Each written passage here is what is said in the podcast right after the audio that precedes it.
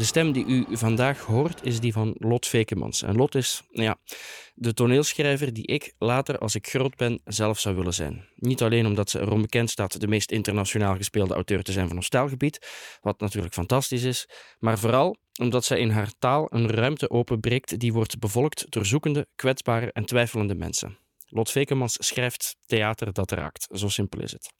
De boekhandels waar u vandaag terecht kunt zijn www.boekhandelvandervelde.nl en www.salvator.be. Veel plezier met hoofdstuk 14.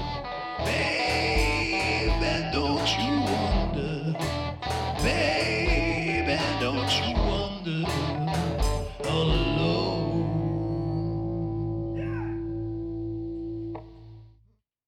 Toen Samantha het metrostation kwam binnengewandeld, begreep ik meteen dat de simpele en eendimensionale afgunst, die ik al meer dan een decennium voor haar voelde, door haar fysieke aanwezigheid zou uiteenspatten in de honderden gevoelens die eronder verstopt zaten. Minderwaardigheid en een vervelend soort bewondering gingen hand in hand. Eigenlijk miste ik haar al jaren zo erg dat ik haar alleen maar kon behandelen als mijn vijand. Een van de vele dingen die ik zowel vervelend als opwindend aan haar vond, was dat ze zonder twijfel de mooiste vrouw was die mij ooit in de ogen had gekeken. Die overweldigende, irritante schoonheid had ze twintig jaar geleden natuurlijk ook al, toen ik haar ontmoette in een kroeg waar ik een van de eerste keren in mijn leven had opgetreden. Een aantal vriendinnen uit haar studententijd hadden haar daar lichtelijk tegen haar zin mee naartoe gesleurd. Achteraf bleek ze niet van comedy te houden. En ik had tijdens het optreden al in de gaten dat ze geen enkele keer om mijn grappen had gelachen. Desondanks zou haar blik na dat optreden de omvang van mijn leven vergroten, alsof ik daarvoor in een beperkte, oneigenlijke versie van de realiteit had geleefd. Sindsdien had Samantha mij een paar jaar lang laten hopen dat er een manier van leven bestond die al mijn angsten en tekortkomingen volledig zou doen verschrompelen. In de eerste jaren leek dat ook te lukken. Na twintig jaar huwelijk niet meer. Aanvankelijk was ik overdonderd door de schaamteloze manier waarop ze haar blik op mijn gezicht vastplakte. In het begin was ik een project voor haar, een fascinerend studieobject, waarvan zij en zij alleen de ware mechanismen zou achterhalen. Uiteindelijk bleef van mij niet veel meer over dan een dode rat in een door haar verlaten kooi. Ik smeekte nog steeds om haar onophoudelijke aandacht, maar omdat die er nu niet meer was, beet ik van me af en kroop ik weg wanneer ze te dicht bij me in de buurt kwam. Ik verafschuwde haar, zoals een verslaafde na dertig jaar zelfvernietiging zijn middelen tegelijkertijd begeert en veracht. Samantha droeg een soort poncho een grotendeels onbewerkt stuk stof. Het was op zichzelf niet mooi, en toch had ze niet meer dan zo'n stuk stof nodig om te stralen. Haar tred was beheerst en sereen. Ze kwam niet naar haar dochter toegerend, verkeerde in een staat die volkomen tegenovergesteld was aan paniek. In het voorbijgaan knikte ze bijna onmerkbaar naar een Koreaanse student die omkeek, terwijl hij nog steeds de in zijn handen geklemde laptop achterna liep. De rest van de dag zou die jongen baden in een onbestemd, maar alles doordringend gevoel van hoop. En toen stond ze voor ons. De poncho viel over haar schouders als de tuniek om een marmeren beeld van een Griekse god. We werden allebei overrompeld door Samantha's glimlach.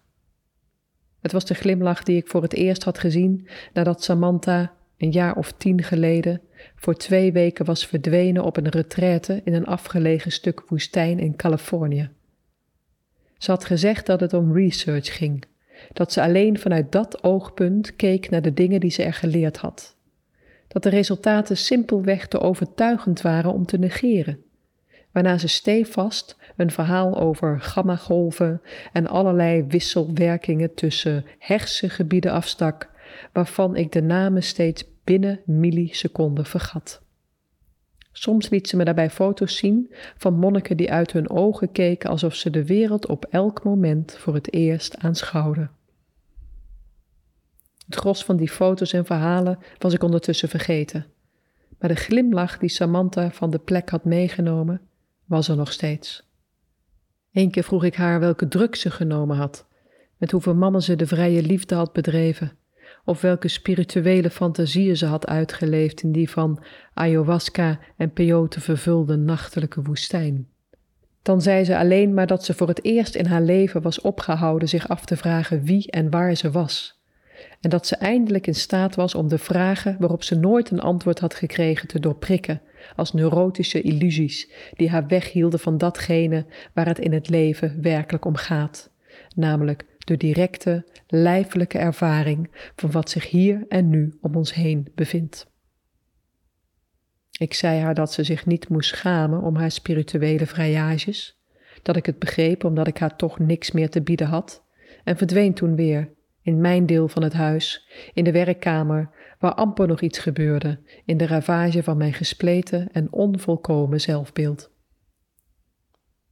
In de jaren daarna was ze doorgegaan met het verenigen van haar vernieuwde spirituele inzichten en de wetenschappelijke praktijk die ze bedreef. Van een steeds meer zijdelings perspectief volgde ik haar verhalen over onderzoeken in Indiase grotten. Af en toe zag ik papers in huis liggen die gingen over de effecten van meditatie op het brein.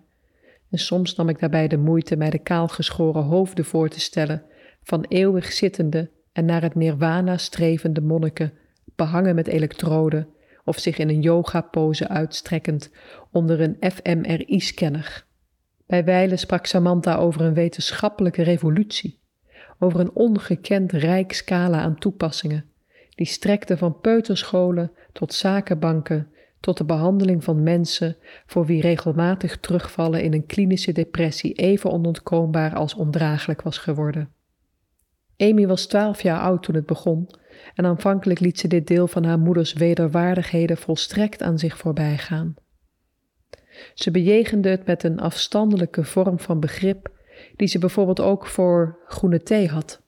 Op zich leek het haar niet ongezond. Ze begreep dat sommige mensen er wat aan hadden en dat het in bepaalde verre gebieden deel uitmaakt van een dagelijkse praktijk die meestal niemand schaadt. In de jaren die volgden maakte Amy allerhande filosofische en intellectuele ontwikkelingen door, waarin ze afwisselend met de verhandelingen van een of andere Parijse marxist, een Tsjechische psychoanalist of een filosofische school uit Berlijn stond te zwaaien.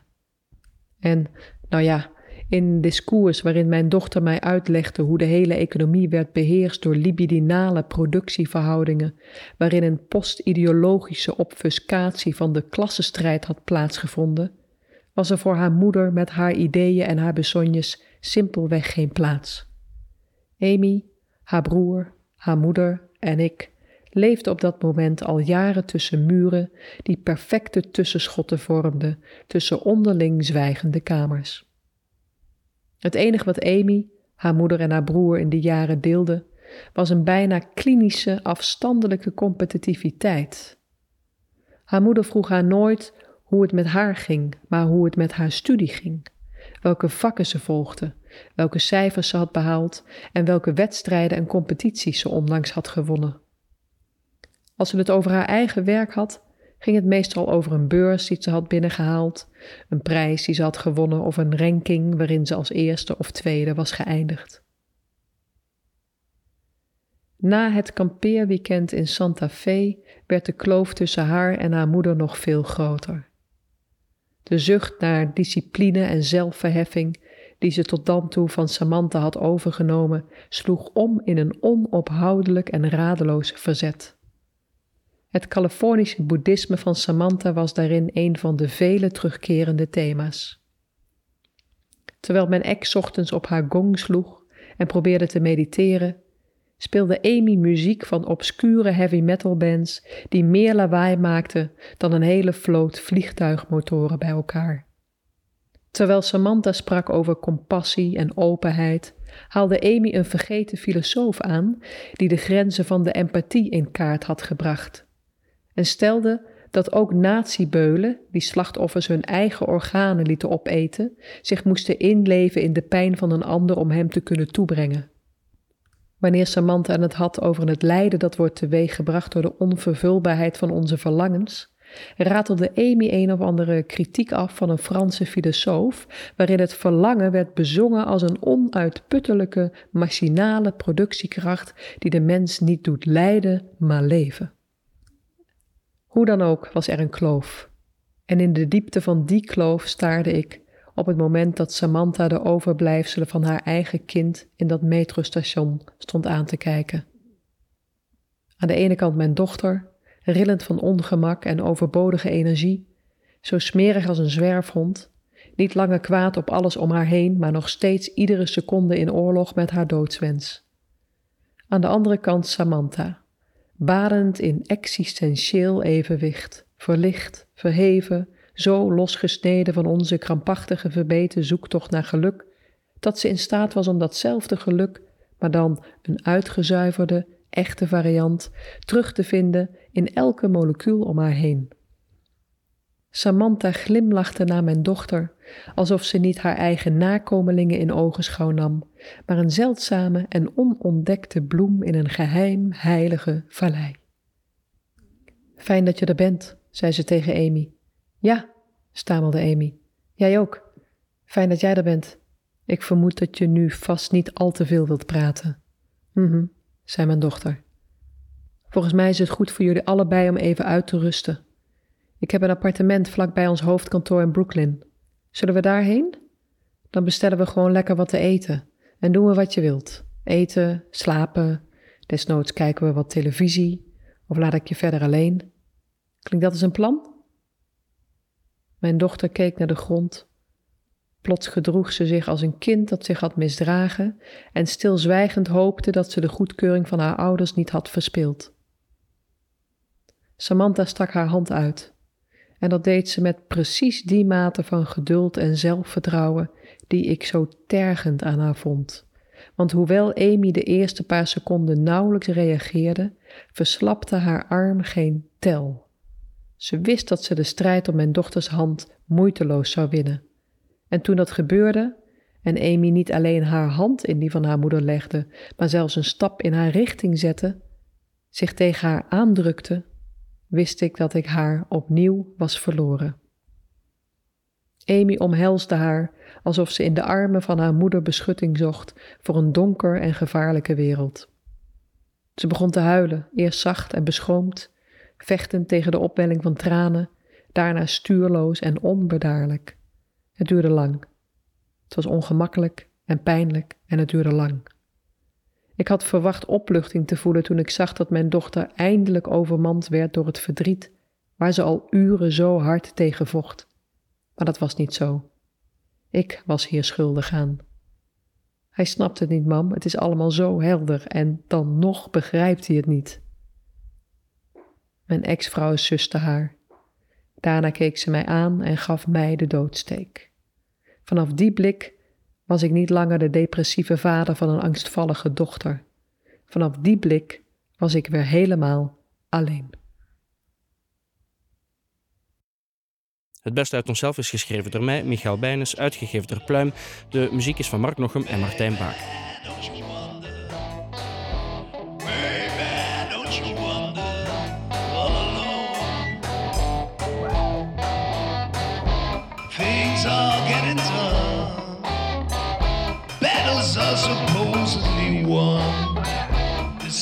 some money Try to avoid.